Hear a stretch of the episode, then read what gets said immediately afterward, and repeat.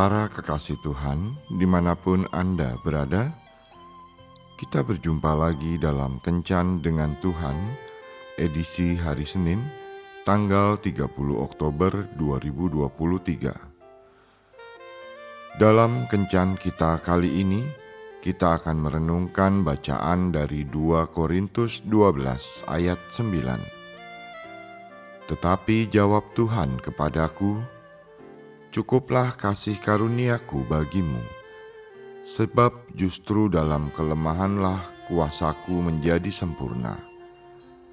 Sebab itu terlebih suka aku bermegah atas kelemahanku, supaya kuasa Kristus turun menaungi aku. Sahabat kencan dengan Tuhan yang terkasih, seorang ilmuwan agrikultur mengatakan, 90% kegagalan berasal dari orang-orang yang mencari alasan. Ya, kebiasaan mencari-cari alasan, melempar tanggung jawab, dan berpikir negatif tidak akan membuat kita meraih sukses dan menikmati hasilnya. Hal itu sepertinya dapat menghindarkan kita dari tanggung jawab namun itu sama sekali tidak dapat membuat kita menghindar dari apa yang seharusnya kita pertanggungjawabkan. Itu tidak dapat membuat kita maju. Kebiasaan buruk seperti itu harus kita hilangkan dan kita buang jauh-jauh dari pikiran. Hal itu tidak akan dapat menutup kelemahan kita tetapi justru akan menunjukkan kelemahan dan rendahnya kualitas mental kita. Setiap orang memiliki kelemahan dan sudah menjadi suatu keharusan bagi kita untuk bangkit dan mengatasinya. Kelemahan bukanlah sesuatu yang harus ditutup-tutupi, atau sebaliknya dijadikan alasan untuk tidak mau berbuat sesuatu. Kelemahan harus diakui dan diperbaiki sesegera mungkin.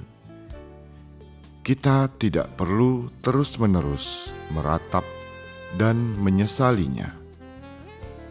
Orang-orang sukses di dunia bukanlah orang yang tidak memiliki kelemahan sama sekali. Akan tetapi, mereka adalah orang-orang yang bangkit dari kelemahan mereka dan kemudian mencari jalan keluar untuk mengatasi serta mengubah kelemahannya menjadi kelebihan yang bisa diandalkan untuk meraih sukses.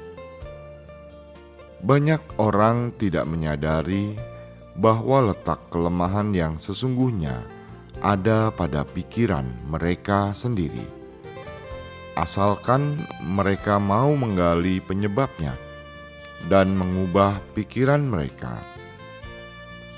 Maka kelemahan itu tidak lagi menjadi sesuatu yang berarti. Paulus menegaskan bahwa di dalam kelemahan ada kekuatan. Karena itulah Paulus justru bermegah dalam kelemahannya kita pun perlu melakukan hal yang sama. Mari kita terus berjuang menaklukkan kelemahan kita dan mengatasi semua batasan diri kita. Asalkan kita mau berusaha dan menyerahkan diri pada Tuhan, maka kelemahan itu akan Tuhan ubahkan menjadi kekuatan yang luar biasa. Tuhan Yesus memberkati. Marilah berdoa. Tuhan Yesus, aku menyadari ada banyak kelemahan dalam diriku. Jangan biarkan aku terlena dengan kelemahanku, sehingga aku tidak mau berbuat apa-apa. Tetapi yakinkan aku bahwa di balik kelemahanku, ada kekuatanmu yang luar biasa. Asalkan aku mau berusaha dan berjalan bersamamu. Amin.